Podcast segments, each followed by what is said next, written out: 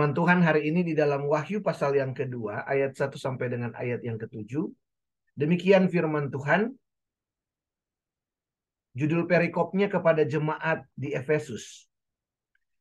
Tuliskanlah kepada malaikat jemaat di Efesus. Inilah firman dari dia yang memegang ketujuh bintang itu di tangan kanannya dan berjalan di antara ketujuh kaki dian emas itu. Aku tahu segala pekerjaanmu, baik jeripayahmu maupun ketekunanmu. Aku tahu bahwa engkau tidak dapat sabar terhadap orang-orang jahat, bahwa engkau telah mencobai mereka yang menyebut dirinya rasul, tetapi yang sebenarnya tidak demikian. Bahwa engkau telah mendapati mereka pendusta,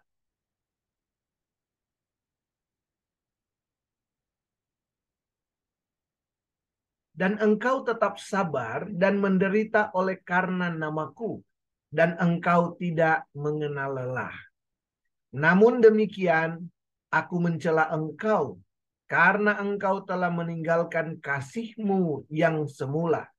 Sebab itu, ingatlah betapa dalamnya engkau telah jatuh. Bertobatlah dan lakukanlah lagi apa yang semula engkau lakukan. Jika tidak demikian, aku akan datang kepadamu dan aku akan mengambil kaki dian kaki dianmu dari tempatnya jikalau engkau tidak bertobat. Tetapi ini yang ada padamu, yaitu engkau membenci segala perbuatan pengikut-pengikut Nikolaus yang juga kubenci. Siapa bertelinga hendaklah ia mendengarkan apa yang dikatakan roh kepada jemaat-jemaat. Barang siapa menang, dia akan kuberi makan dari pohon kehidupan yang ada di taman Firdaus Allah. Puji Tuhan. Firman Tuhan pada sore hari ini bertema atau berjudul kualitas yang memudar. Nah, saudara-saudara, kalau saudara mengingat, ingat bahwa firman Tuhan hari ini adalah sambungan dari firman Tuhan minggu yang lalu. Firman Tuhan minggu yang lalu tentang kaki dian di dalam Wahyu pasal 1 itu. Dan ternyata ketika Yohanes melihat ada kaki dian emas dan ada tujuh bintang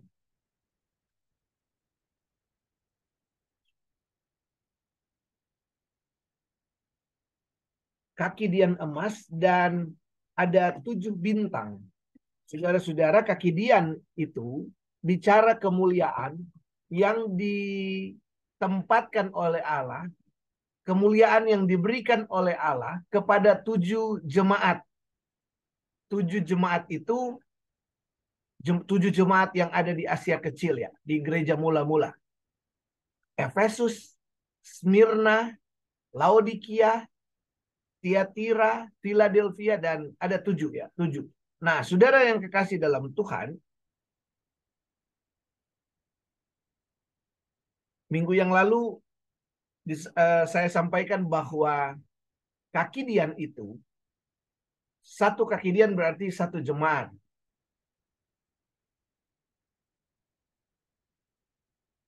Itu minggu yang lalu. Nah, kita masuk pada yang pertama itu Wahyu pasal yang kedua, kakidian yang pertama yaitu Efesus. Efesus. Nah, dikatakan inilah firman dari dia yang memegang ketujuh bintang itu. Jadi uh, minggu yang lalu kalau sudah ingat tujuh bintang itu bicara soal uh, malaikat jemaat atau hamba Tuhan atau gembala yang melayani memimpin jemaat yang ada di Asia Kecil itu, yang ada di tujuh sidang. Dan kemudian kaki Dian itu bicara soal jemaat. Inilah firman dia yang memegang ketujuh bintang itu. Nah, saudara-saudara, bagian ini atau firman Tuhan ini disampaikan kepada jemaat Tuhan melalui gembala jemaat. Tuhan katakan sampaikan kepada jemaat Tuhan. Apa yang disampaikan? Ayat yang kelima, kita mulai dengan ayat yang kelima. Di sana dikatakan, sebab itu ingatlah betapa dalamnya engkau telah jatuh, bertobatlah dan lakukanlah lagi apa yang semula engkau lakukan. Jika tidak demikian, aku akan datang kepadamu dan aku akan mengambil kaki Dian dari tempatnya jika engkau tidak bertobat. Kaki Dian itu bicara kemuliaan Tuhan yang ditempatkan kepada jemaat. Jadi jemaat dimuliakan. Itu hadirat Allah ditaruh di situ. Kehadiran Allah itu wujud kaki Dian itu bicara soal kehadiran Allah. Bicara soal kemuliaan Allah yang dihadirkan. Apakah dalam uh, kehidupan jemaat, dalam keseharian jemaat, di dalam ibadah jemaat. Itu hadirat Allah itu selalu turun. Kemuliaan Allah yang luar biasa. Nah, ayat yang kelima itu seperti begini, saudara. Tuhan mau katakan begini. Efesus, jadi ada tujuh sidang jemaat yang di uh, yang disebutkan di sini. Efesus, Smyrna dan seterusnya. Ada ada beberapa jemaat lokal pada waktu itu. Sebut saja ada jemaat Galatia sudah ada, jemaat Roma sudah ada, jemaat Korintus, jemaat kota Korintus sudah ada. Tapi secara khusus kitab Wahyu menunjukkan bahwa Tuhan itu meletakkan kemuliaannya kepada ketujuh jemaat ini. Salah satunya adalah Efesus. Salah satunya adalah Efesus. Dan ayat yang kelima, sepertinya Tuhan mau berkata begini. Efesus, engkau adalah kebanggaanku. Jangan sampai engkau tidak lagi menjadi kebanggaanku. Ya. Saya percaya bahwa karena Tuhan senang dengan jemaat Efesus. Jadi Tuhan mau katakan, engkau salah satu yang kuberikan kaki dian. Engkau salah satu kebanggaanku. Engkau yang kuberikan kemuliaanku. Hadiratku memenuhi engkau, memenuhi uh, jemaat di Efesus. Tapi jangan sampai, jangan sampai kamu tidak lagi menjadi kebanggaanku. Jangan sampai kamu tidak lagi menjadi kesayanganku, menjadi kesenangan. Nah, saudara-saudara, karena ini kita akan melihat bahwa minimal ada tiga hal yang bisa saudara dan saya lihat di sini. Yang pertama, ayat yang kedua. Ayat yang kedua dikatakan ini. Aku tahu segala pekerjaanmu, baik jeripayahmu maupun ketekunanmu. Aku tahu kata firman Allah. Jadi Tuhan tahu segala ketekunan saudara, segala kecintaan kita kepada Tuhan. Hati kita kepada Tuhan itu Tuhan tahu. Tuhan melihat hati kita. Tuhan tahu betapa saudara dan saya sangat mengasihi Tuhan. Aku tahu bahwa engkau tidak dapat sabar terhadap orang-orang jahat. Itu ya ayat 2 itu. Engkau mencobai mereka yang menyebut dirinya rasul. Dan seterusnya. Jadi Tuhan tahu bahwa jemaat Efesus adalah jemaat yang kualitas rohaninya sudah dewasa di dalam Tuhan. Dan kehidupannya itu memuliakan Tuhan. Di sini dikatakan bahwa engkau telah mencobai mereka yang menyebut dirinya rasul. Sebenarnya tidak demikian. Bahwa engkau telah mendapati mereka pendusta. Wah, luar biasa ini kerohanian jemaat uh, Efesus. Ya, Dulu banyak pengajar-pengajar sesat, tapi jemaat Efesus membuktikan bahwa mereka adalah pengajar-pengajar palsu. Baru kemudian ayat 3. Engkau tetap sabar dan menderita oleh karena namaku. Engkau tidak mengenal lelah. Jadi berita ini terdengar sudah. Cara hidup jemaat Efesus terdengar. Jadi ini adalah uh, kualitas yang baik. Kualitas yang baik itu seperti apa ya? Bau harum dari berita yang manis bagi dunia ini. Jadi jemaat Efesus itu menghasilkan tindakan-tindakan iman, menghasilkan tindakan eh, perbuatan-perbuatan yang mencerminkan kedewasaan rohani yang membuat Tuhan bangga kepada mereka karena kualitas yang begitu baik dan berita itu tersebar. Ada jemaat-jemaat yang ada jemaat-jemaat yang terdengar baik sekali oleh uh, jadi dunia bisa melihat saudara ya. Misalnya kisah para rasul 17 ayat yang ke-11 Kisah para rasul pasal 17, saudara kasih tanda itu Wahyu pasal 2 itu saudara beri tanda pembatas. Kita ke Kisah para rasul 17 ayat yang ke-11. Di sana dikatakan orang-orang Yahudi di kota itu Kota itu apa? Kota Berea. Kota Berea. Orang-orang Yahudi di kota itu atau di Berea itu hatinya le, lebih baik hatinya dari daripada orang-orang Yahudi di Tesalonika. Karena mereka menerima firman itu dengan segala kerendahan hati dan setiap hari mereka menyelidiki kitab suci dan mengetahui apakah semuanya itu benar demikian. Saudara lihat di sini, kita lihat di sini. Orang bisa menilai bahwa jemaat Berea, orang Yahudi Berea, itu hatinya lebih baik katanya dibandingkan dengan uh, orang Yahudi di Tesalonika. Rupanya kedewasaan rohani, kebaikan hati itu bisa dinilai sudah. Bisa dirasakan oleh orang-orang. Filipi pasal yang pertama Filipi pasal 1 ayat yang ke-12. Filipi pasal 1 ayat 12 dikatakan ini Rasul Paulus, kesaksian Paulus dalam penjara. Aku menghendaki saudara-saudara supaya kamu tahu bahwa apa yang terjadi atasku ini justru telah menyebabkan kemajuan Injil. Haleluya.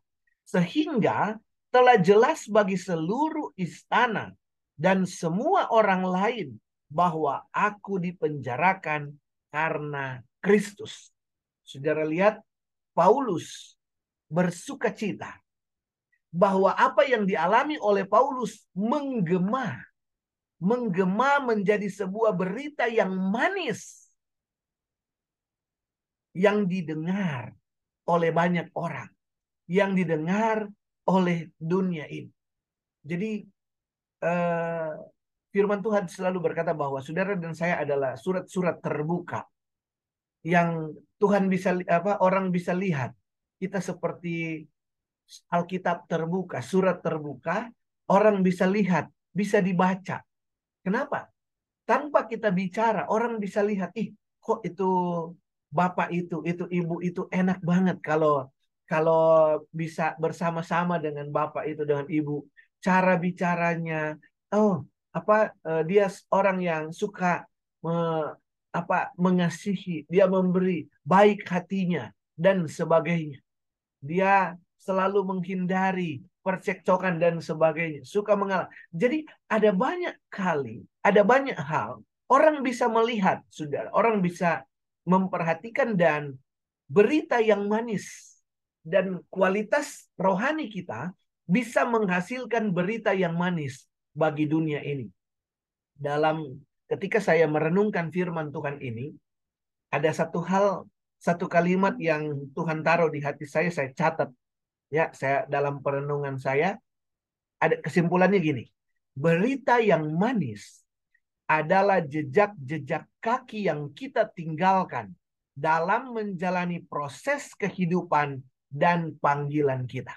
Berita yang manis adalah jejak-jejak kaki yang kita tinggalkan. Saudara-saudara, kehidupan kita terbatas. Masa hidup kita terbatas. Waktu hidup kita di dunia ini terbatas. Satu kali kelak kita akan kembali juga kepada Tuhan. Nah, sudah ada pepatah berkata, gajah mati meninggalkan gading. Manusia mati meninggalkan nama. Nah, saudara dan saya ketika nanti dipanggil oleh Tuhan, kita sudah meninggalkan jejak yang terbaik. Apa itu? Bagaimana saudara dan saya hidup di dalam kualitas rohani yang baik yang memuliakan Tuhan sama seperti jemaat yang ada di Efesus. Jadi kualitas yang luar biasa. Makanya Efesus menjadi satu sidang jemaat yang Tuhan tempatkan kemuliaannya, kaki diannya, hadirat Allah ditempatkan di sana. Itu yang pertama. Kualitas yang baik adalah bau harum atau berita yang manis bagi dunia ini ya biar dunia melihat dunia mendengar tentang Tuhan melalui saudara dan saya karena kita ada Tuhan yang bertumbuh dalam kualitas rohani yang baik yang kedua yang bisa saudara dan saya lihat adalah kalau kita kembali kepada Wahyu pasal yang ke Wahyu pasal yang kedua itu ayat yang keempat dan ayat yang kelima ayat yang keempat dan ayat yang kelima dikatakan aku mencela engkau kata Tuhan. Kamu sudah jatuh terlalu dalam.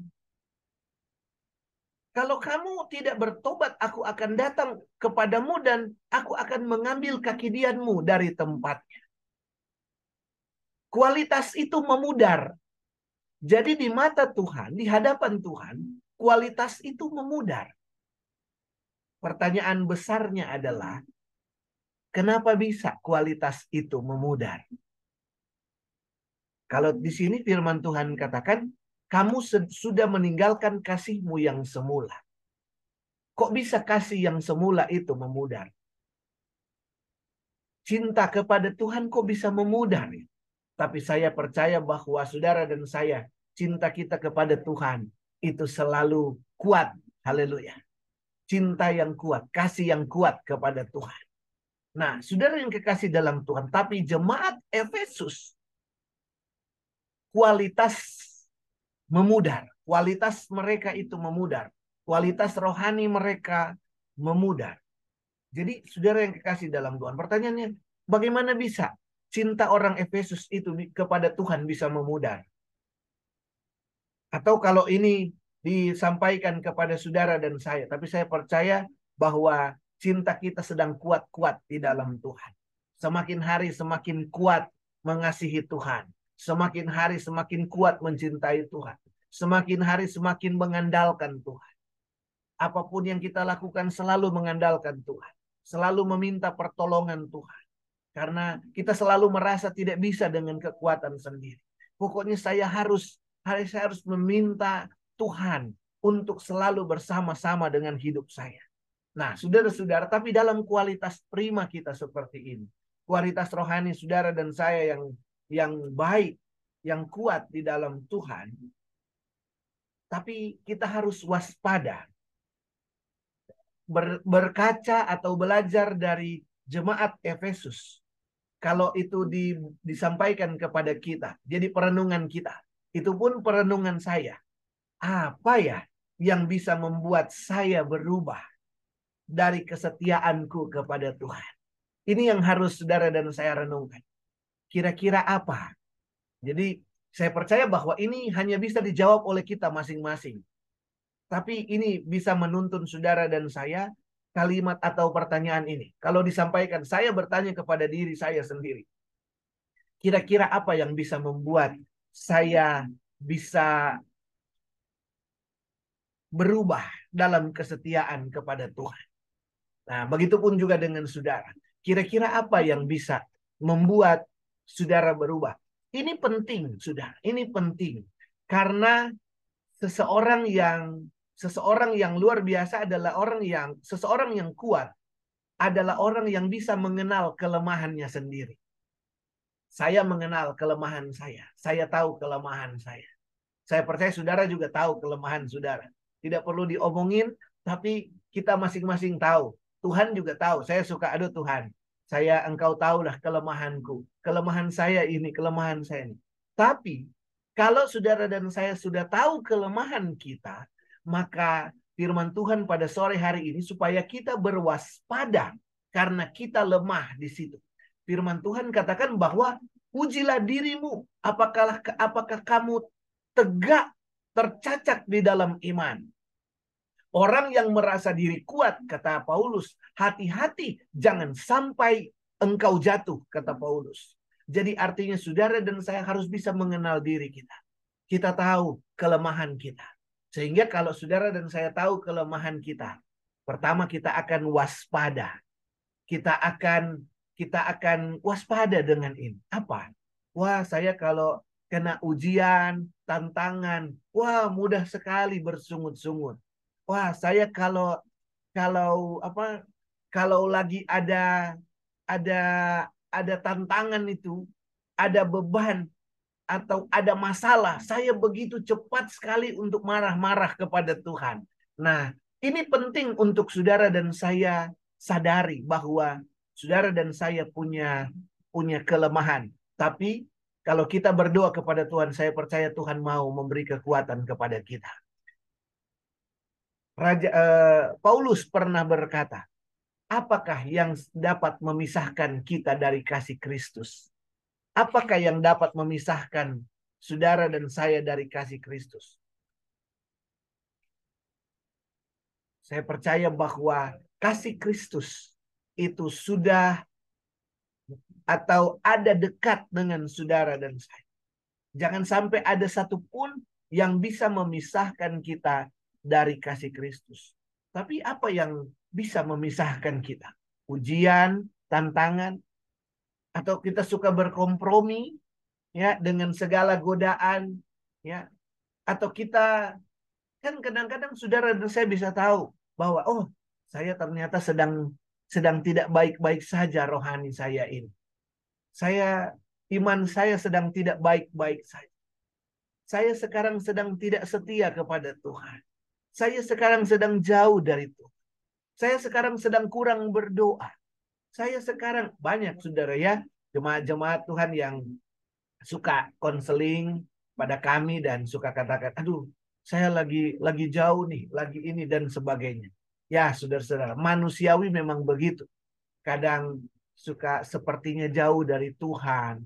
Tapi itu sebabnya setiap kali kita beribadah kepada Tuhan, firman Allah selalu disampaikan. Untuk apa? Supaya saudara dan saya kuat kembali. Ada waktu-waktunya kita lemah. Ada waktu-waktunya kita kita jatuh. Tetapi firman Tuhan katakan orang yang benar tidak dibiarkan Tuhan sampai jatuh sampai tergeletak. Tapi tangan Tuhan akan mengangkat dia kembali. Mungkin kita pernah jatuh, Mungkin kita pernah uh, jauh dari Tuhan. Tapi puji Tuhan, buktinya hari ini saudara dan saya ada di dalam Tuhan. Sedang mendengarkan suara Tuhan. Tapi itu sebabnya saudara yang kekasih dalam Tuhan. Ketika kita menyadari bahwa kualitas kita harus dijaga, kualitas rohani kita. Cinta kita kepada Tuhan harus dijaga. Kesetiaan kita kepada Tuhan harus dijaga. Dan kemudian kita harus waspada bahwa ternyata kita masih manusia, kita tidak luput dari kelemahan. Maka apa yang harus saudara dan saya lakukan di sini? Kalau kita lihat ke uh, Wahyu pasal yang kedua itu ayat yang terakhir kita akan lihat ayat yang ke ayat yang ketujuh, mulai dari ayat yang ketujuh. Wahyu pasal 2 ayat 7. Siapa bertelinga, hendaklah ia mendengarkan apa yang dikatakan roh kepada jemaat-jemaat. Ini dulu. Bahwa Tuhan tidak pernah meninggalkan. Efesus kata firman Allah, Tuhan berkata, engkau sudah jatuh terlalu dalam. Efesus sudah jatuh terlalu terlalu dalam. Tapi ayat 7 dikatakan, roh Allah masih ada dan berbicara kepada jemaatnya. Berarti saudara dan saya, bagi kita, roh Tuhan ada bersama-sama dengan saudara. Dia mem, dia menyertai kita, dia memberi kita kekuatan, dia memberi kita kemampuan untuk hidup di dalam kebenaran. Jadi percaya bahwa Tuhan ada bersama-sama dengan kita. Sehingga ayat yang terakhir, bagian yang terakhir dikatakan ayat yang ketujuh itu, barang siapa menang, dia akan kuberi makan dari pohon kehidupan yang ada di taman Firdaus Allah. Barang siapa menang. Saya juga rindu, saya menang. Saudara juga, saya percaya rindu saudara menang. Banyak tantangan kita akan kita kita masing-masing sedang bergumul selama ada di muka bumi ini. Tantangan mau hamba Tuhan, jemaat Tuhan, pelayan Tuhan. Tantangan bisa bertubi-tubi. Tapi firman Tuhan sudah menjamin. Kalau saudara dan saya menang, maka kita, firman Tuhan katakan, akan diberi makan dari pohon kehidupan di taman Firdaus Allah. Artinya, keselamatan kekal. Kita berjumpa bersama-sama dengan Tuhan. Tapi sekali lagi, kalau kita kita meninggal, kita bersama-sama dengan Tuhan. Tetapi selama kita hidup, firman Tuhan menjamin kaki dian itu ada bersama kita. Kemuliaan Tuhan itu ada bersama kita. Ada di mana? Ada di pribadi kita, ada di rumah tangga kita, ada di rumah kita masing-masing. Di situ hadirat Allah berdiam.